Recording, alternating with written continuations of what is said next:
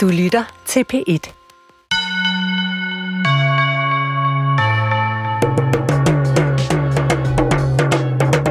Hvis tromme er mon det her? Jo, det er som en min, som jeg spiller så lystigt på. Eller, det kunne det i hvert fald være. Og øh, der er et godt udtryk, der lyder at gå til lyden af sin egen tromme. Det vil sige, at man øh, ikke lytter til andre, at man følger sit eget hoved og sine egne idéer blindt. Christina Hesselholds nye roman hedder netop til lyden af sin egen tromme. Og øh, her har op til flere af personerne den meget ærgerlige vane at gå til lyden af egen tromme. Altså at leve i en art forblindelse. Og så er øh, romanen en herlig cocktail af dødstrang, hit, begær, flotte luftkaptajner, flysex, Venedig og udstoppede isbjørne. Tilsat øh, lidt Joe Biden og en enkelt udbrændt psykiater. Christina Hesselholdt er øh, nok en forfatter, der begrænser sig i længden. Romanen er bare 180 sider, men altså ikke i indhold. Den nye fortælling handler på mange måder om at rejse. Hovedpersonerne rejser til forskellige destinationer i øh, Europa, men læseren må også rejse i flere fiktioner på én gang. Til lyden af sin egen tromme skriver sig nemlig op af Thomas Manns berømte kortroman Døden i Venedig fra 1912. Og så må læseren også rejse mellem flere forskellige udsagn i Christina Hesselholds roman. Udsagn, der sagtens kan pege i hver sin retning, for de talende er sjældent enige om tingenes gang. Og når det handler om øh, romanens stemninger, ja, så må læseren også løbe frem og tilbage mellem komedie og tragik. Midt i alt det her, der står Gustava, den kvindelige hovedperson. Og den lyd, hun hører lige nu, er faktisk ikke en tromme, men lyden inde i en flykabine. Og du lytter til øh, skønlitteratur på P1, hvor jeg, din vært, Nana Mogensen, er taget hjem til forfatter Christina Hesselholt. Øh, I starten af romanen, der er hovedpersonen Gustava på vej øh, fra København til Tromsø. Øh, med, med den hensigt øh, at tage sit eget liv øh, øh, nordpå. Hun håber på, at hun kan komme til at, at dø, mens der er, er nordlys. Så det er derfor, hun er taget til Tromsø? Ja, det er derfor, hun er taget til, øh, til Tromsø, og på den tid af året, øh, hvor hun skulle have mulighed for at, at se nordlys. Men, men så er det jo så heldigt, at der sker noget i flyveren, som allerede, hun ved det måske ikke selv, men jeg tror, at læseren får en idé om det, får hendes projekt til at begynde at vakle. Øh, hun møder nemlig en, en flykaptajn. Øh, den her dag er der det særlige, at en øh, flykaptajn har sat sig på sædet foran hende, og øh, hun studerer ham, og ikke mindst så studerer hun øh, hans øh, træsser, eller galoner hedder det også, på hans øh, skjorte. Og hun får frygtelig lyst til at stikke øh, sin hånd op i hans ærme og mærke på den her galon indefra og også udefra. Og det gør hun faktisk også, for som hun siger, øh, hun har ikke noget at miste. Altså øh, der, hvor hun nu befinder sig i livet i den her eksistentielle situation. Øhm, og to spørgsmål. Det kan være, at du lige skal forklare for lytterne, hvad galoner er, så mere konkret, hvad er det for noget? Øh, træsser eller galoner, øh, det er øh, sådan nogle øh, påsyede, øh, man kunne vel nærmest kalde det øh, store st- eller stofmærker, øh, som øh, peger på, øh, hvilket selskab øh, kaptajnen flyver for. Og Gustava, der bliver så optaget af det, hvem er hun? Altså inden du læser lidt op fra begyndelsen, hvad, hvad er hun for en, øh, en kvinde, altså udover at hun er taget til Tromsø for at dø, hvad, hvad, hvad er hun for en kvinde? Ja, hun er en øh, psykiater midt i 50'erne, øh, som er fuldstændig overarbejdet og øh, udkørt af mange flytninger. Øh, lige fra hun var helt øh, ung, har hun øh, altså studeret øh, hvad hedder det, intensivt, og hun har ikke bare en speciel lægeuddannelse. øh, men to. Øh, og hun er så, ja, hun er nedslidt af et hårdt arbejdsliv, og, øh, og også af at tage sig af sin bror Michael. Michael og Gustava er meget knyttet til hinanden. Michael er, er psykisk øh, skrøbelig, altså udmarvet af arbejde og, og slidt ned øh, følelsesmæssigt af, af, af mange flytninger. Hun er ofte flyttet efter sit lægearbejde. Øh, der har hun altså simpelthen fået nok og tager derfor afsted. Og hvem er hun ellers? Øh, hun er meget glad for skønlitteratur. Det er hendes bror også. Broren Michael siger på et tidspunkt, at forældrene har fyldt dem med litteratur og kunst, øh, som om de var Strasbourges. De er simpelthen blevet, blevet stoppet til randen med det. Og øh, det er jo sådan, at jeg, jeg gør altid mine romankarakterer til, til store elskere af litteratur, for dermed at få mulighed for at beskæftige mig med at citere fra øh, noget af den litteratur, jeg er allergladest for øh, inde i bogen. Lad os øh, prøve at høre lidt fra øh, begyndelsen, hvor vi altså er ombord på flyet til Tromsø, og det er Gustava, der fortæller. Ja, jeg læser fra begyndelsen.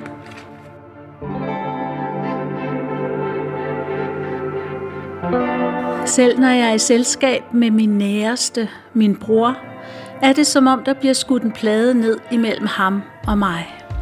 Sådan er det blevet. Han taler og taler, jeg nikker og nikker, men han kan ikke hente mig ind fra mørket. Og så skete der alligevel noget i flyveren, så jeg nu går rank igennem lufthavnsområdet. Kort før afgang kom der en luftkaptajn og satte sig på sædet foran mit ud mod gangen. Det har jeg aldrig før oplevet.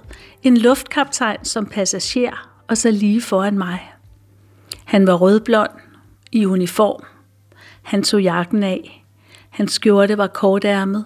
Hans arme var en rødblond mands arme, lidt blissede, småfregnede. På denne uniformskjorte sad der på ærmerne sorte, guldbelagte galoner. Det kaldes både 60'er og galoner. Galon er bedst, så tænker man både på galop og kanon. Galoner, der matchede hans kasket, der også var dekoreret med sort og guld, og som han havde lagt fra sig på sædet ved siden af sig. Galonerne gjorde noget godt for hans egentlig ret tynde og altså blissede arme og hans tørre, slitte albuer. Alt dette så jeg gennem mellemrummet mellem ryglænene på sæderne foran mit, og når jeg lænede mig ud mod gangen. Jeg fik umådelig lyst til at lade min hånd glide ind i hans ærme, og mod min håndryg mærke galonen, den hissende galon, indefra. Min mest uopslidelige fantasi foregår i fly, men den har hidtil kun tumlet med medpassagerer. Jeg siddende mellem to udmodståelige mænd, en af hver farve, alle tre spændt fast til vores sæder, altså med begrænset operationsradius for hovedparten af kroppen, men med frie hænder og munde. Luftkaptajnen tilføjede fantasien en ny mulighed. Før jeg så disse galoner, havde jeg aldrig vidst, at jeg åbenbart blev hisset af uniformsdele. Han var faldet i søvn, med hovedet dinglende ud mod midtergangen og armen hængende slap ned mod gulvet. Og så vågede jeg det. Jeg stak min hånd op i hans ærme, på en måde, så jeg næsten ikke rørte hans arm. Det var godt, armen var så tynd, at der var god plads i ærmet, og gned min håndryg mod den grove galon indefra og bagefter udenpå både med fingrene og håndryggen. I min situation har man intet at miste. Men så kom stewardessen med lange skridt ned gennem midtergangen, bøjede sig ind over mig og viskede, du skal lade den trætte flykaptajn være. Han har brug for søvn. Så snart vi ankommer til Tromsø, har han igen en flyvning.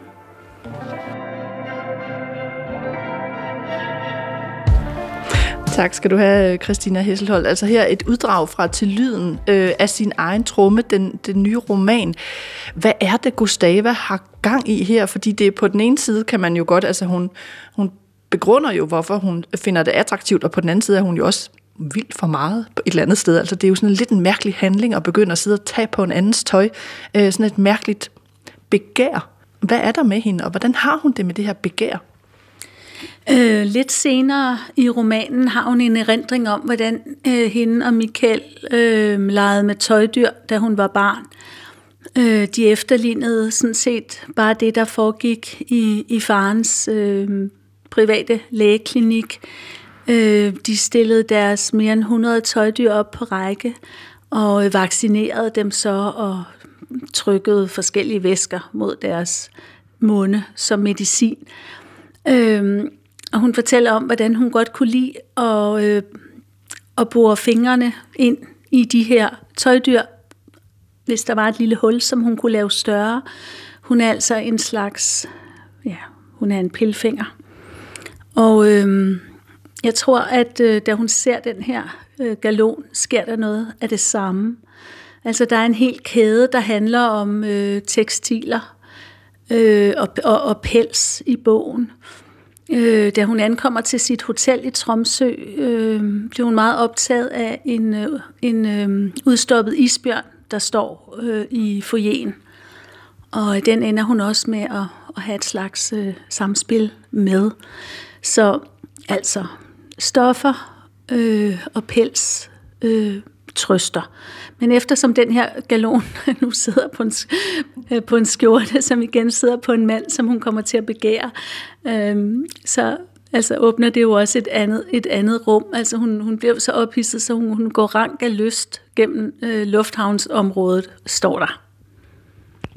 Jeg slog jo op, øh, du siger, der er sådan et, et spor med stoffer og pels, øh, og broren Michael går i nogle meget specielle, øh, man skal forstå, han er sådan lidt tyk, han propper sig, han lever derhjemme, handler med nogle aktier på nettet, men er meget ensom, men han går i nogle særlige kåber, øh, fra øh, et firma, jeg ved ikke, om jeg udtaler det rigtigt, øh, hedder det Fortuny, eller øh, det, er jo, det er jo spansk. Øh.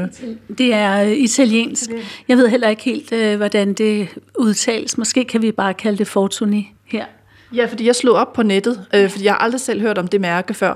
Øh, og der koster sådan en kåbe, som jo øh, enten kan være lavet i silke, eller sådan noget fed velure med sådan noget syning og sådan. Det koster omkring sådan 10.000 kroner stykket, så, så der, han har også den her meget eksklusive smag i det stoflige.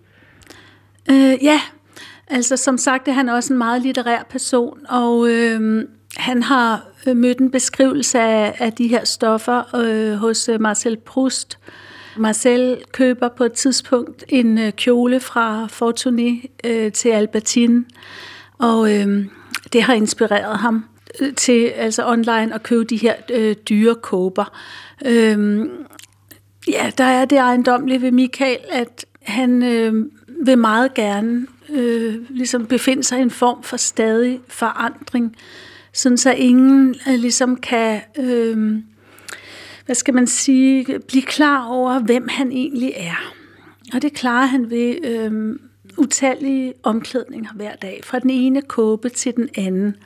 Fordi nok lever han alene, men øh, han ser jo sin søster, og så har han en, en hushjælp, der hedder Bruno. Øh, I modsætning til sin søster, så øh, tror øh, Michael øh, ikke på øh, terapi eller overhovedet øh, at kendskab øh, til psykologi øh, skulle være til nytte for det enkelte menneske. Øh, og øh, han lader sig ikke behandle, men, men hengiver sig altså til de her, altså det her forandringsprojekt via sit tøj. Og så har han det også sådan, altså det er jo nogle utrolig smukke kåber. Da jeg begyndte at skrive om dem, så tænkte jeg, Øh, gid jeg dog kunne, kunne købe en selv og have den hængende, mens jeg skrev min bog, men som du selv nævner, så er de forfærdeligt dyre, så jeg måtte nøjes med at lade mig begejstre over dem øh, på nettet. Michael har det har et stort behov for at omgive sig med skønhed, fordi det er også noget, som får hans, øh, hvad hedder det, ofte forstyrrede øh, sind til at føle ro. Og øh, kåberne, kåber og sommerfugle og så hans have, blomsterne. Det er nogle, nogle af de ting, øh, der gør ham vældig godt. Og så tror jeg, at vi har fået introduceret alle personerne, altså øh, Gustava, eller G, som hun nogle gange kalder sig selv. Så er der øh, Michael, som du siger, broren. Så er der hushjælpen, Bruno, man hører lidt om. Og så er der jo selvfølgelig fortælleren, øh, som øh, vanligt hos dig ikke er sådan en, en, øh, en, en, en fraværende øh, øh, fortæller, der sådan øh, gemmer sig lidt bag replikker. Nej, det er en, der er meget eksplicit, og der står også fortælleren, og fortælleren har udsagn og går i rette med personerne øh, på en eller anden måde. Hvem skal man forstå, at fortælleren er i den her øh, roman? Ja, jeg har brugt den her, øh, jeg tror det hedder en dramatiseret fortæller, en der optræder øh, i, i, i teksten, altså øh, eksplicit og, og i sig selv er en karakter. Øh, man mødte ham øh, første gang i Vivian, senere i romanen Virginia's for Lovers, og nu her øh, tredje gang i min nye roman Til lyden af sin egen tromme. Øh, han er en, øh, en, en ældre mand, øh, der følger karaktererne rundt, øh, og som karakter, øh, hvad hedder det, kommenterer deres, deres gøren og laden, og som ikke mindst øh, er der, fordi han hjælper læseren med at orientere sig, øh, øh, hver gang der skiftes øh, rum i romanen. Karaktererne er til stede, altså som, som stemmer. Man kunne kalde det en stemmeroman. Øh, man, kunne, man kan også bare sige, at, øh, at hver, hver karakter altså øh, fremtræder øh, som jeg er i nogle meget lange øh, monologer ind imellem. Men for eksempel, da øh, karaktererne kommer til, eller da kommer til øh, Venedig, øh, Øhm, der, der synes jeg for alvor, at jeg får brug for ham øh, til at fortælle, øh, altså hvor, ja, hvor karaktererne befinder sig. Men man kunne jo sige så om din prosa, og vi skal nok vende tilbage til det der med, hvad er det, der sker for Gustava i, i Tromsø, og hvorfor rejser hun til Venedig, øhm, og den her anden fiktion, der spilles på. Men jeg tænkte meget over, da jeg læste romanen, man kan kalde øhm, din fiktion at dialogisk på den måde, at der er forskellige stemmer, der taler sammen øh, og til hinanden, og underkender hinandens udsagn flere gange også. Ikke? De er jo ikke enige om, øh, eller nogen fortæller en afslører ting, som øh, personerne ikke nødvendigvis vil have afsløret. Så det er jo ikke sådan demokratisk fiktion, men det er jo dialogisk fiktion, eller hvad vil du selv kalde den her måde at skrive på, hvor, man, hvor stemmer også sådan går i rette med hinanden? Jeg kalder det egentlig bare, og tænker på det som, som stemmeprosa, og det er en, en form, jeg er meget, meget glad for, som jeg nu altså som sagt øh, anvender for tredje gang.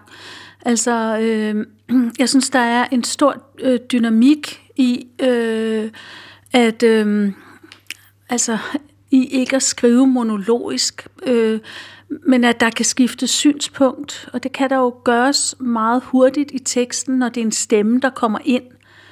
Jeg tænker tit på det som sådan nogle små ja, optimistjoller, der skyder afsted. Øh, og dem, dem sætter jeg, øh, dem skubber jeg ind i teksten. Så øh, forandres perspektivet, for eksempel et andet synspunkt øh, luftes. Øh, ja, jeg er meget glad for, for det her øh, flerstemmige. Altså jeg må sige direkte, at ofte så, så trættes jeg samtidig over litteratur, hvor der kun altså er en, en stemme, altså, øh, der taler et eller andet enormt eller et jeg, som får, efter min mening, ofte alt for meget autoritet, og som kunne have godt af at øh, blive prikket til med nogle andre udsagn. Og det er der jo i den grad i, øh, i den her roman, øh, fordi der er også det forhold mellem de to søskende, at Gustava er, øh, jeg ved ikke om hun kan sige træt af, af Michael, det er hun jo ikke, men, men hun er måske træt af hans afhængighed, fordi at øh, når hun kan mærke, at han har det dårligt, så, øh, så ringer hun jo til ham og tjekker, og han ringer mange gange til hende øh, for at, at, og ligesom få noget støtte. Øh, og så er der jo det, at hun siger til ham i romanen, øh, jeg tror i begyndelsen, det er, at han skal faktisk ikke ringe til hende den næste uge, fordi nu skal hun ud og, og rejse og have lidt ro. Og der er det så, hun tager til Tromsø for at dø. Øh, han fatter mistanke, øh, skal det siges, for hun har aldrig sagt før, at han ikke må ringe en hel uge. Hvad er det, der sker i Tromsø, der gør, at så rejser hun til Venedig lige pludselig? Fordi som du siger, hun har en mærkelig, øh, jeg ved ikke om vi kan kalde det encounter med en udstoppet isbjørn. Ja, Altså, der sker nogle, der er nogle punkter på, på den, øh, hvad skal man sige, øh, linje, der får hende til at vælge livet. Allerførst er der som sagt luftkaptajnen, som får hende til at, at føle lyst. Øh, så ankommer hun, hun øh, til sit hotel. Øh, hotelværelset er ikke klart endnu. Hun, bliver, hun får en kop kaffe, og hun får en avis, og det hun får er en gammel avis. Den er et helt år gammel.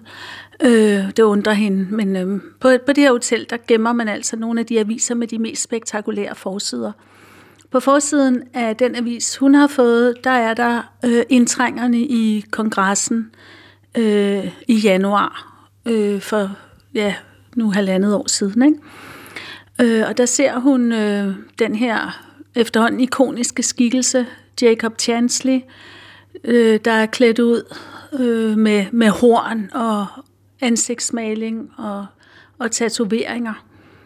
Og hun, øh, hun begynder at tænke, at øh, hun har ikke lyst til at forlade verden, når der går et uhyre som ham rundt. Så det er et punkt. Og det næste, der sker, er, at hun, hun får feber. Hun bliver rigtig, rigtig dårlig.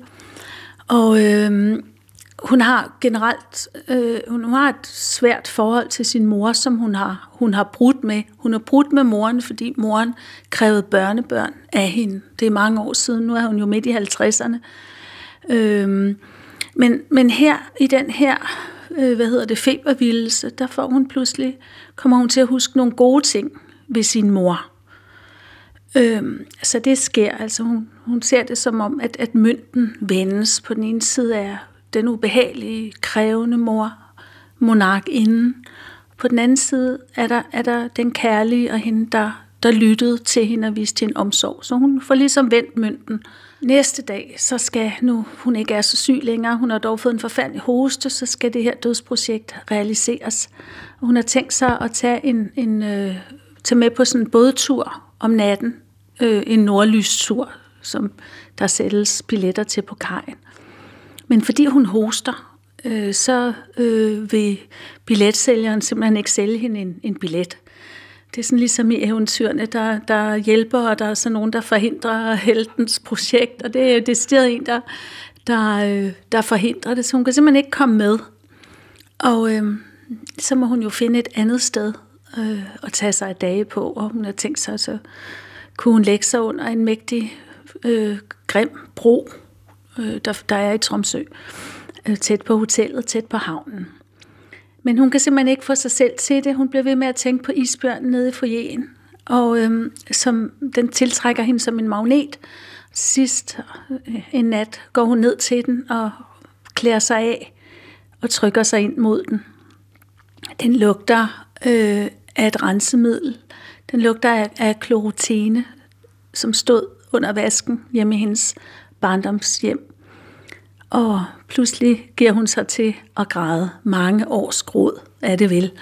Og det øh, er på en eller anden måde livgivende. Og ja, hotelreceptionisten viser sig også at være vældig venlig. Han hjælper hende. Og så er det, hun beslutter, hun vil til Venedig for at leve.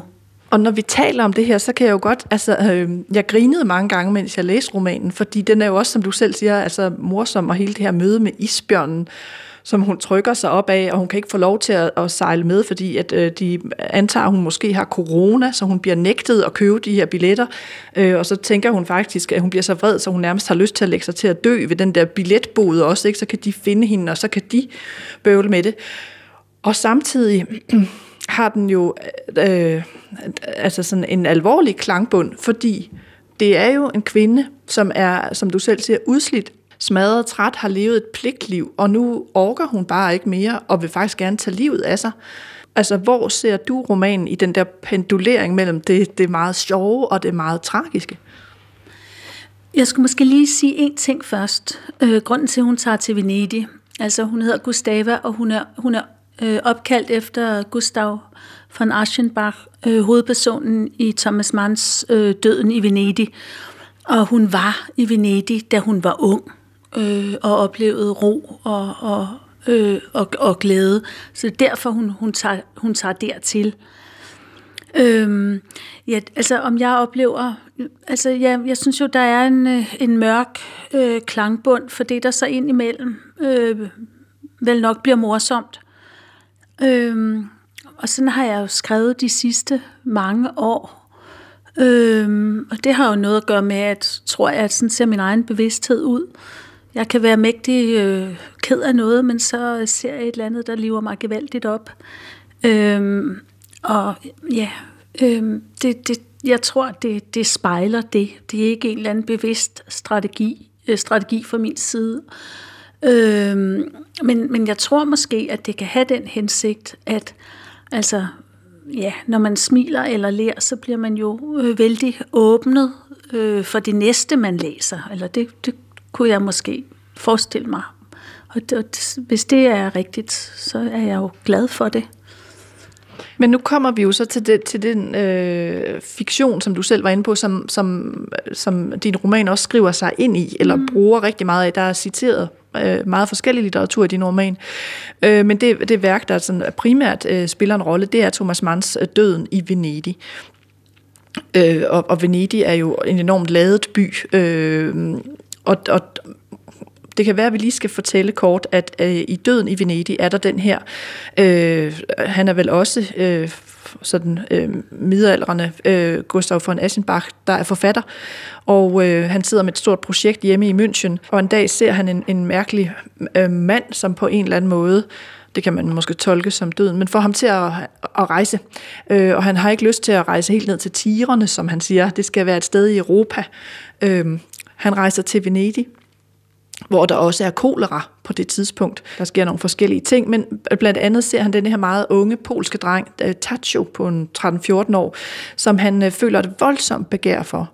Og romanen, det er sådan en lille kort roman, ender med, at han... Øh, at øh, Eisenbach dør, øh, mens han ligger på stranden og betragter Tacho, eller sådan nogenlunde. Ikke? Hvad er Venedig for et sted i din roman? Altså, det er ikke øh, koleraplade, men hvad er det for et sted i din roman? Ja, altså, det var under corona jo øh, nærliggende at begynde at tænke øh, på, på døden i Venedig. Øh, og øh, ja, det er i min roman et sted, hvor der, hvor der stadig er øh, corona. Man må stadig gå med, øh, med, mund, med mundbind. Øh, det er så også et, et sted præget af en enorm forurening, og øh, mere presset af vandet end nogensinde øh, tidligere på grund af klimaforandringerne, altså mere udsat for, for forsvinding eller for ødelæggelse. Men jo så også samtidig et, et sted, øh, som er helt uendeligt smukt, og et sted, der er øh, nærmest overlæsset med, med betydning, fordi så mange kunstnere har beskæftiget sig med det. Øh, og det skriver jeg også lidt om, altså forskellige måder at se Venedig på ind i min roman. Konkret så sker der jo det, at øh, karakteren Michael, han længes efter sin søster, øh, eftersom han ikke kan få kontakt med hende over telefonen, og ikke komme til at være sammen med hende, så tager han hen øh, i det hus, hvor hun bor til leje, og der finder han hendes selvmordsbreve. Og øh, brevet til ham handler om, at han vil have godt af eller der vil være noget godt for ham ved søsterens død, fordi det vil få ham, altså simpelthen gøre, at han bliver nødt til at, at finde nogle andre personer tæt på, øh, når hun er væk. Øh, men men han, han bliver jo redselslagen. Øh, han kigger på hendes computer, han kan se, øh, hvor hun har booket hotel i Tromsø. Så han, der ikke har været ude at rejse, i, siden han var barn, og stort set aldrig forlader sit hjem, han, han kommer nu ud af, bliver nærmest tvunget ud af vagten, og, og tager altså først til Tromsø, og der finder han ud af, at Gustava er rejst videre til Venedig. Og derefter så følger han efter hende til Venedig, hvor han forsøger at finde hende. Og øhm, han har ofte funderet over, hvorfor forældrene egentlig valgte at opkalde Gustava efter Gustav von Aschenbach. Øhm, og øhm, han prøver at finde ud af, hvilke ligheder der er mellem søsteren og så den her øh, mandkarakter. Øh, begge to er øh, nedslidte af arbejde og har et liv, der er præget af fornuft, hvor der ikke er, er meget øh, hvad hedder det, tid til, til, til følelse og øh, ja, munterhed og løsslåbenhed. Øh, og han tænker, at øh, hun er taget til Venedig for at dø Aschenbach døden.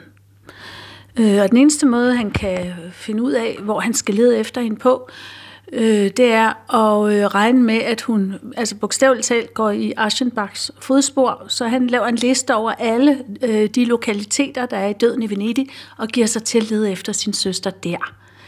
Øh, og fortælleren, han er jo allerede landet i Venedig sammen med Gustava. Skal vi ikke prøve at høre et stykke, fordi der er nemlig præcis et stykke, hvor du, øh, hvor Michael får lov at tale, og det er omkring sine overvejelser øh, i Venedig. Øh, Michael er stadigvæk i, i Tromsø på, på det her tidspunkt, øh, og øh, ligger altså i sin seng. Han har ligefrem fået øh, Gustavas forladte hotelværelse. Han ligger i hendes forladte seng og tænker, skal jeg se det som et lyspunkt, at hun er rejst videre, og hvordan skal jeg finde hende i Venedig? Jeg ved ikke, hvornår hendes liv begyndte at gå så galt, hvornår det blev skumring i hende aften og derefter uafbrudt nat. Det er godt, søster ikke er inde i mit sind, så ved jeg godt, hvad hun vil sige. Der er nu så lidt følelsesmæssig dækning, at ikke engang hovedsætninger kan hjælpe dig længere. Jeg er på herrens mark i din forladte seng. Søster, jeg anråber dig. Kom tilbage og vær den store. Det eneste, der hjælper, når man er i en tilstand som min, er at skrue intellektet på. Som en elpære vil det oplyse det forplumrede mørke. Hvis Gustave har tænkt sig at gå i Aschenbachs fodspor, og hvorfor skulle hun ellers tage til Venedig, er det ret begrænset, hvor hun kan gå hen, i hvert fald af navngivende lokaliteter. Jeg må skrive en liste over stederne. Derudover er der en del unavngiven omflakken og gondolsejleri gennem byen i hælene på Taccio, den skønne unge dreng, skønheden, opløsningen og døden. Og Aschenbach krydser flere gange lagunen, både med dampskib og i gondol. Jeg har døden i Venedig liggende på sengebordet, men også i levende erindring. Jeg har læst bogen fem gange og set filmen to. Fordi jeg spekulerede over, om fortællingen var en nøgle til at forstå mine forældres navnevalg til min søster, eller om det bare var af spektakulære årsager, at de havde opkaldt hende efter Gustav von Aschenbach, ligesom folk, der kalder deres hund Duras eller Merkel noget, man kan brodere over eller bare le af under middagsselskaber, som mine forældre holdt en del af. Så fyldtes indkørslen af deres velklædte og velduftende og velkedelige set fra barneperspektiv venners store biler. Samtidig havde de deres børn med, og en gang blev spisebordet ryddet, så en datter kunne danse ballet for os. Jeg har aldrig forstået, hvorfor dansen skulle foregå på bordet. Jeg sad på trappen ned til hallen og jagtog deres ankomst gennem træmmerne i gelænderet, indtil barnepigen bar mig i seng. Så vidt jeg kan se, er der ingen andre i fædrelandet, som hedder Gustava til fornavn. I 2020 var der 5.369 danske personer med navnet Michael som første navn. En stigning på 13 i forhold til 2019. Michael er et forholdsvis almindeligt navn, konkluderer opslaget lakonisk. Det kan føres tilbage til ærkeenglen Michael, Israels og himlens beskytter, leder i kampen mod den frafaldende ærkeengel Lucifer. Nok om det. Det er ikke mig, nogen skal finde. Jeg ligger lige her med min udspilede mave. Tilbage til Aschenbach. Hvis mine forældre havde ambitioner om at gøre min søster til en Aschenbach, lykkedes det i forhold til, hvad man kan kalde den knyttede hånds parameter. Og nu kommer der et citat fra Døden i Venedig.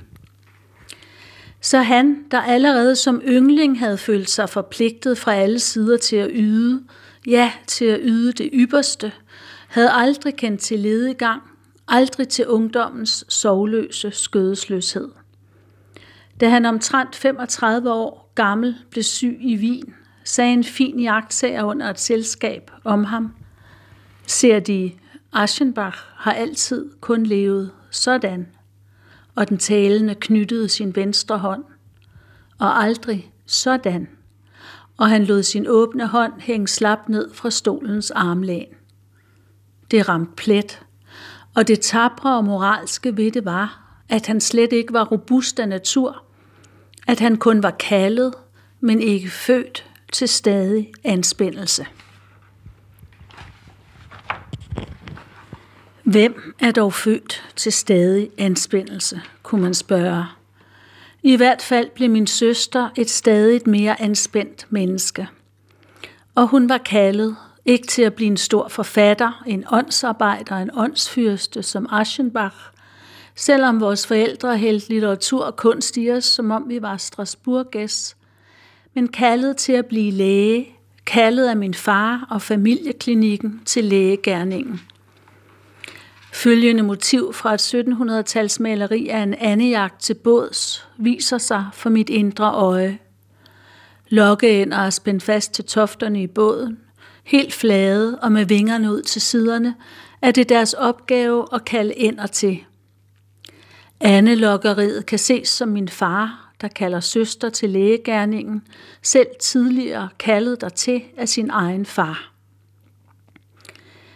Tilbage til Aschenbach. Da kærligheden og skønheden har ramt ham i form af den polske dreng Tacho, er hans hånd blevet åbnet. Her betragter han gennem vinduet på sit værelse på Grand Hotel de Bas, drengen på stranden. Nu kommer der igen et citat. Så hævede han hovedet og beskrev med begge arme, der indtil nu havde hængt slapt ned over stolens armlæn, en langsom drejende og opadstigende bevægelse med åbne håndflader, som om han ville tage imod og omfavne. Det var en beredvillig hilsen, en roligt modtagende gestus. Fortælleren, du tror og har måske delvis ret i, at G er taget til Venedig for at afanspænde sig, for at blive sansemæssigt åbnet et sansemættet sted, for at slendre, kort sagt. Men her stopper enhver lighed med Aschenbach. Hun skal ikke, som ham, fatte, at prisen for at lade sig styre af pligten og moralen og udelukke det dionysiske fra sit liv. Det kunne være dans, vin, latter, grimme ord, hengivelse, glæde, rasen. Det kunne bare være følelser i stedet for altid fornuft. Er, at når man møder det, overvældes man, så man dør af det. I Aschenbachs tilfælde hjulpet på vej af kolera. Gustava er et moderne menneske. Kan du ikke se, at der stort set kun er forskelle? Hun er ikke forfatter, men læge. Hun har ingen klassisk dannelse af betydning. Og det ville være i orden, hvis hun elskede en af det samme køn. Den spænding er udraderet, i det mindste der, hvor hun kommer fra. Tak skal du have, Christina Hesselholdt. Altså endnu et, øh, et uddrag fra din øh, nye roman. Øhm, man får jo øh, en ret god fornemmelse af, hvordan øh, personerne læser litteratur. Altså, det er jo også en roman om at læse litteratur, og det er en roman om øh, kunstens betydning, og det er en roman om, hvordan man lever. Øh, altså lever man med, som med den knyttede hånd, eller åbner man hånden? Øh, til at sige som Aschenbach, at han altid har levet med den knyttede hånd, og da han så kommer til Venedig, åbner han hånden, om jeg så må sige, det dør han også af. Hvis du selv skal beskrive dig selv som forfatter, øh, lever du så som den knyttede hånd eller den åbne hånd? Øh, jeg tror, jeg lever med den åbne hånd meget af tiden, øh, heldigvis. Øh, og jeg, jeg er på ingen måde så overarbejdet som hverken Aschenbach eller øh, Gustava. Øhm. men det er jo mennesker, man ser i vores samtid. Altså, ja, stressede, overarbejdede mennesker. Ikke mindst øh, kvinder, som har meget øh, dobbeltarbejde. Det bliver jo talt ganske meget om i øjeblikket også. Øh, Gustava kunne være eksponent for, for en i den flok. Øh, men ja, hun tager til Venedig, og hun kommer også til at åbne hånden. Men hun bliver ret hurtigt træt af at forsøge at sidde og lave ingenting på sin øh, tagterrasse. Og jeg synes ikke, vi skal afsløre for lytterne, hvordan det går. Altså om Michael finder hende i Venedig, og øh, bliver hun ved med at, at ønske at være i live, og altså er der et møde mellem de to, øh, og hvordan vil det så påvirke Michael, øh, hvis de mødes. Men det bliver jo sådan en eller anden øh, roman, der, der foregår øh, øh, altså Tromsø og Venedig, og så øh, et, et andet sted til sidst. Det samtidsspor, du, du har antydet flere gange, altså det foregår under corona, og øh, i, i Tromsø er der udstoppet isbjørn, og man gør meget ud af det arktiske, men der er ingen isbjørne deroppe, øh, og du siger Venedig, der har været øh, oversvømmelser osv. Det er jo et samtidsspor, der der markerer sig flere steder, og nu siger du det her med det stressede menneske hvad skal man sige, hvilke dele af samtidssporet er for dig som forfatter mest interessant at integrere i den her fortælling? For mig ser der, at der er to bagtæpper. Ikke? Der er øh, samtidsbagtæppet, som øh, er det virkelig øh, Annus øh, Horribilis øh, 2022, ikke? Øh, med øh, corona og øh, redselsvækkende klimarapporter, og så som prikken over i øh, krigen i, i Ukraine, fordi min, min bog klinger netop øh, ud med den, med den krig, og henter også øh, titel øh, fra et udsagn, som Biden brugte om, om Putin, men det kan være, at vi kommer tilbage til det senere. Og så er der jo det andet bagtæppe, som er litterært, øh, hvor det primært er døden i Venedig, jeg trækker på, og som bliver, bliver meget integreret i min roman, i og med, at, at Michael bruger den aktivt i forhold til øh, sin søster. Og hvordan hænger de her, altså det her meget, hvad skal man sige, klassisk litterære spor sammen med det helt moderne spor? Altså den, den samtidskritik, og du siger krigen i Ukraine og forurening og klimaforandringer. De to steder, altså hvor øh, romanen foregår, ikke? At, altså Tromsø og øh, Venedig kommer jo til at altså, få sporene til, eller få de her bagtæpper, som, som jeg lige kaldte det, til at hænge sammen. Øh, isbjørnen er jo øh, blevet selve billedet på, på klimakatastrofen. Altså du tænker på de her billeder, der har været, altså, hvor, den, hvor der går sådan sultne isbjørne rundt, der er helt afmagret og prøver at finde føde inde ved byerne. Og sådan noget. Ja, og ofte ser man et billede af en isbjørn, der, der, der står på, øh, på en flage på vej ud i havet, ikke? altså fordi isen smelter, og ja, de sulter.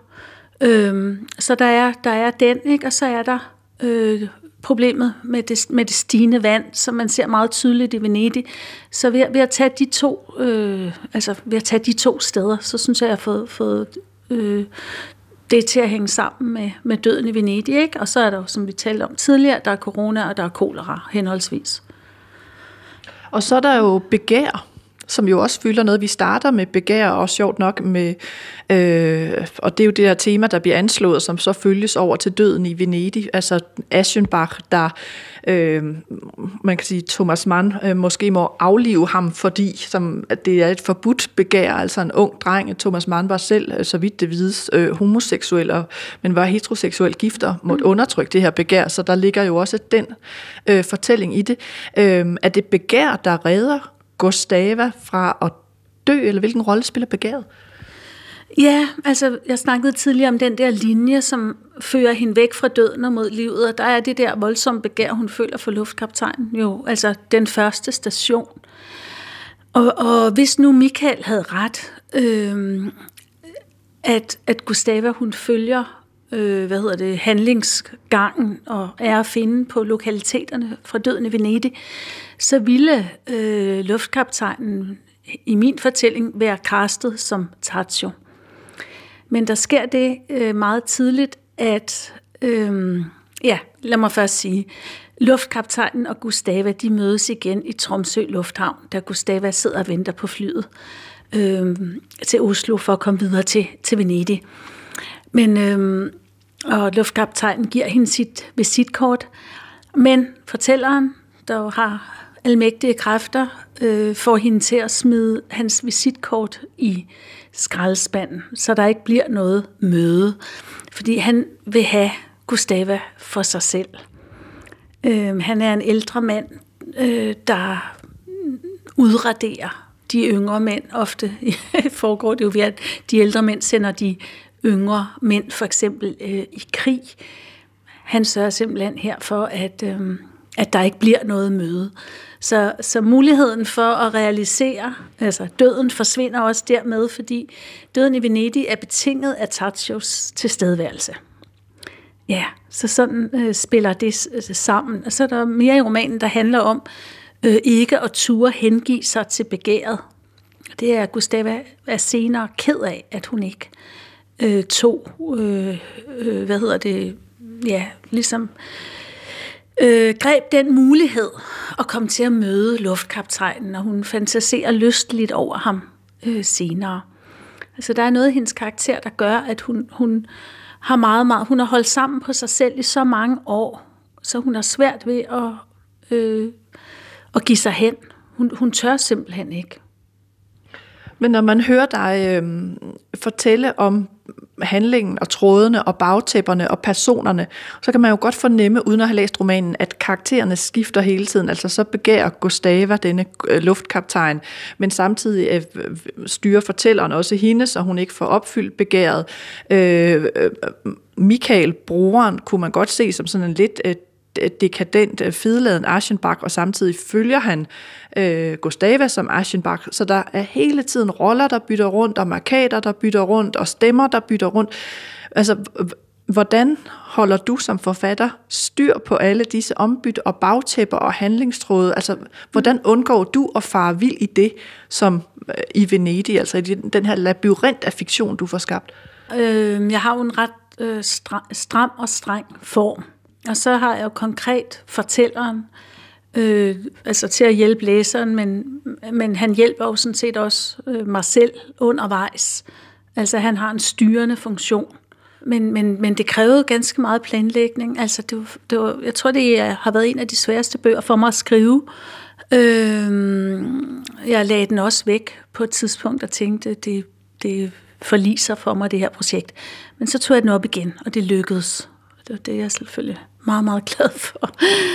Men kunne du have skrevet den her roman uden at integrere døden i Venedig, altså Thomas Manns prosa på den måde, du gør? Altså er den ligesom et, en del af stilaset for dig, for at du kan forløse din egen historie? Øhm, jeg tror, det så kræver, at vi, vi snakker lidt om, hvad, hvad Michael er for en karakter yderligere, øh, for at komme ind på det.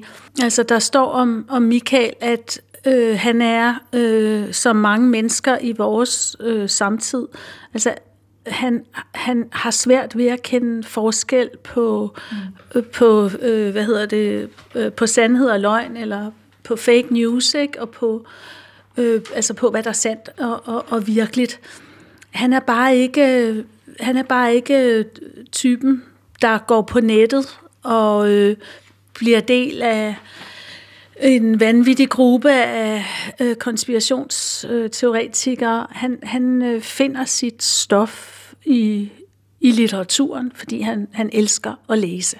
Her er det jo altså så Døden i Venedig, der, der spiller ham et pus, kan man sige. Øhm, så jeg synes ikke, at jeg bruger Døden i Venedig til at, at forløse noget ved min egen fortælling. Jeg bruger den bare som, som noget, der virkelig, virkelig spiller med, og som øh, er med til at forklare Michael. Der står et sted, nu skal jeg lige finde et sidetal, der står noget meget interessant om Michaels læsning øh, af, øh, af døden i Venedig. Fortælleren siger øh, om, øh, om, om Michael. Øh, han hører kun lyden af sin egen tromme, bummelum, bum bum, forblændet af, ikke sandt, Michael? Før Assenbach-sporet bliver koldt. Altså, øh, der har man i hvert fald øh, en henvisning til, til titlen. Og senere i din roman citerer du øh, et, et Biden-citat, øh, som er, tror jeg ikke engang et år gammelt, men hvor Biden har kaldt øh, Putin et eller andet, og så øh, er der et pressemøde, og så siger øh, Biden, øh, bliver Biden spurgt, er du ikke bange for at... Øh, have fornærmet Putin så meget, så vil du trække det tilbage, og så siger Putin eller Biden et eller andet med, øh, det skal man ikke tænke på, øh, Putin er en mand, der går til lyden af sin egen tromme. Given his recent behavior, people should understand that he is going to do what he thinks he should do, period. He's not affected by anybody else, including, unfortunately, apparently his own advisors. This is a guy who goes to the beat of his own drummer. Hvad menes der med det her at gå, gå til lyden af sin egen tromme? Jamen, det betyder at være fuldstændig forblændet af sit eget projekt og hverken kigge til højre eller venstre. Øhm, og det er det, Biden mener. Altså, øh, det, det, det er fuldstændig lige meget, hvad han, at han, jeg tror, han har kaldt Putin en, en slagter ved den, ved den lejlighed i, i Warszawa for et år siden. Det er lige meget, hvad han har sagt, fordi øh, øh, altså Putin han går frem uden at kigge til højre eller venstre. Det er det, det indebærer. Og det samme kan siges øh, om Michael. Han er forblændet af den her tanke om, at når forældrene har kaldt øh, hans søster Gustava efter Gustav von Aschenbach, så, øh, ja, så vil hun agere ligesom, ligesom ham, Aschenbach. Øh, det er han altså forblændet af. Han lever i sin egen boble, og det samme kan jo til en vis grad siges om, om øh, Gustava, altså at hun er forblændet af sit projekt om at komme til at tage sig af dage. Øhm, så de, de er lukket inde og isoleret i deres egne projekter, de her karakterer. Der er så fortælleren, der færdes frit imellem lejrene, så at sige, og som øh, gør, hvad han kan for at, at prikke hul på de her bobler og, og få øh, noget øh, interaktion imellem karaktererne i gang. Men hvad for nogen, altså, fordi så det er jo også en roman, der handler om forblændelse, og man kan også sige, at, at Aschenbach hos Thomas Mann mm. bliver jo så også forblændet af Tacho og, og, og hans skønhed, og han beskrives som den her unge dreng, som sådan nærmest en græsk uh, gudestatue. Hvad er vi forblændet af i dag, som på et mere generelt plan som, som mennesker, og hvad skal der til, før vi får prikket hul på boblerne? For det synes jo også at være en form for etisk bagtæppe. Ja, Altså som det ofte er blevet sagt om, om, om, om vores bobler, ikke? Altså hvis ikke vi begynder at, og, hvad hedder det, hente vores nyheder de samme steder fra, så tror jeg, vi, så bliver vi sandsynligvis nok i vores, øh, i vores bobler. Øhm, og vi har jo ikke nogen fortæller, der kan hjælpe os med at prikke hul så godt. Altså jeg, jeg, jeg er optaget af... Øh, af de her galninge, for eksempel kongresindtrængerne, hvad hedder det, vaccinefornægterne. De er jo ikke alle sammen øh, galninge, det var måske ikke øh, så pænt sagt, men, men de går i hvert fald ganske, ganske voldsomt, eller ganske, ganske taktfast til lyden af deres egen tromme. Øh, de, de interesserer mig, altså psykologisk, og også som, som samfundsfænomen, og de, øh, hvad hedder det, skræmmer mig også. Øh, så jeg har jo, det er derfor, jeg har skabt min karakter Michael, altså ud fra de præmisser.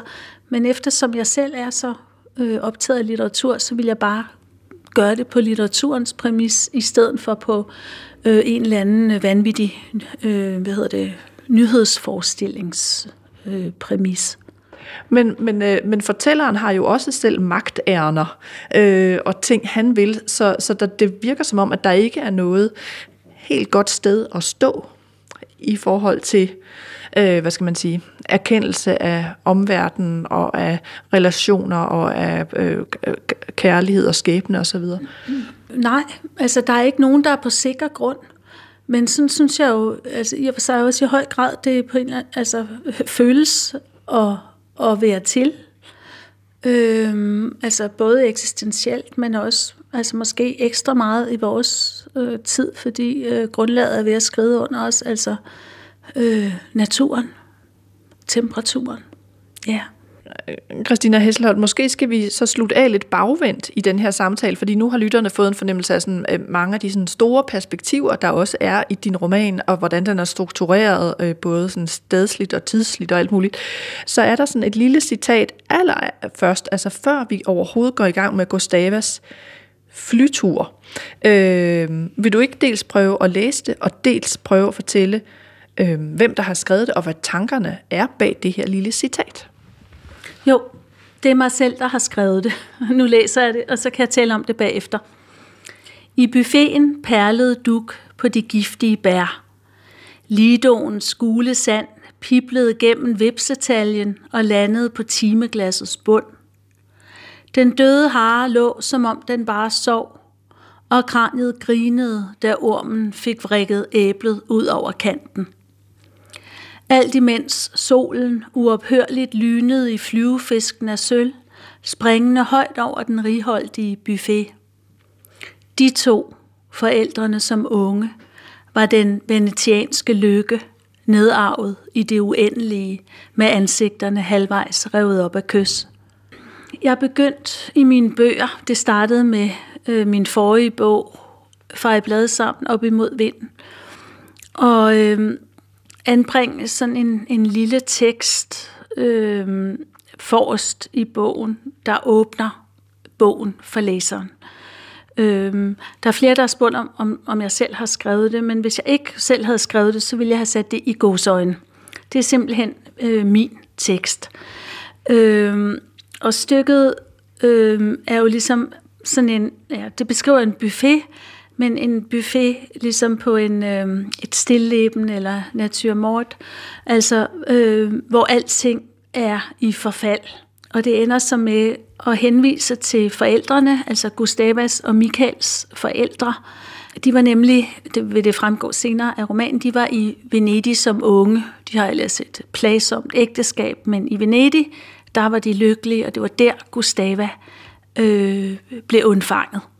Så den peger altså dels ind i øh, Venedig som et, øh, et dekadent øh, sted præget af altså ødelæggelse, død og forfald. Altså det samme Venedig, som vi faktisk møder i Thomas Manns roman. Og så peger det ind i, i handlingen i min egen bog. Altså det, der faktisk fører til hele Michaels misære eller misforståelse her, ikke? Altså Gustava er opkaldt efter Gustav von Aschenbach. Øh, og øh, hvorfor er hun det? Og så er der det der med timeglasset og tid, der render ud. Ja, altså øh, timeglasset ser man jo også øh, ofte i øh, den slags øh, maleri. Øh, og er jo altså øh, den stadige tanke på, at, øh, at vi er dødelige. Tiden går, og så tænkte jeg også på det, vi har talt om ellers, altså med det meget presserende, der er omkring øh, øh, klima, natur, øh, krigstilstande, katastrofer. Jamen, det har, det har du virkelig ret i. Der, jeg havde slet ikke tænkt på timeglasset på den måde, men vi er under pres. Altså, tiden er ved at løbe ud for os, hvis ikke vi smøger ærmerne op og tager fat på at, at redde verden. Det sagde dagens forfatter Christina Hesselholdt, der om øh, to dage er aktuel med sin helt nye roman, der hedder Til lyden af sin egen tromme, og den udkommer på forlaget People's Press. Og så blev der også øh, i indslaget citeret fra den nyeste oversættelse af Thomas Manns Døden i Venedig. Den er øh, udkommet hos øh, Gyldendal og er oversat af Judita Preis og Jørgen Hermann Monrad. Jeg er tilbage i næste uge med mere litteraturstof. Du kan altid skrive til mig på litteratursnabelag.dr www.nota.dk.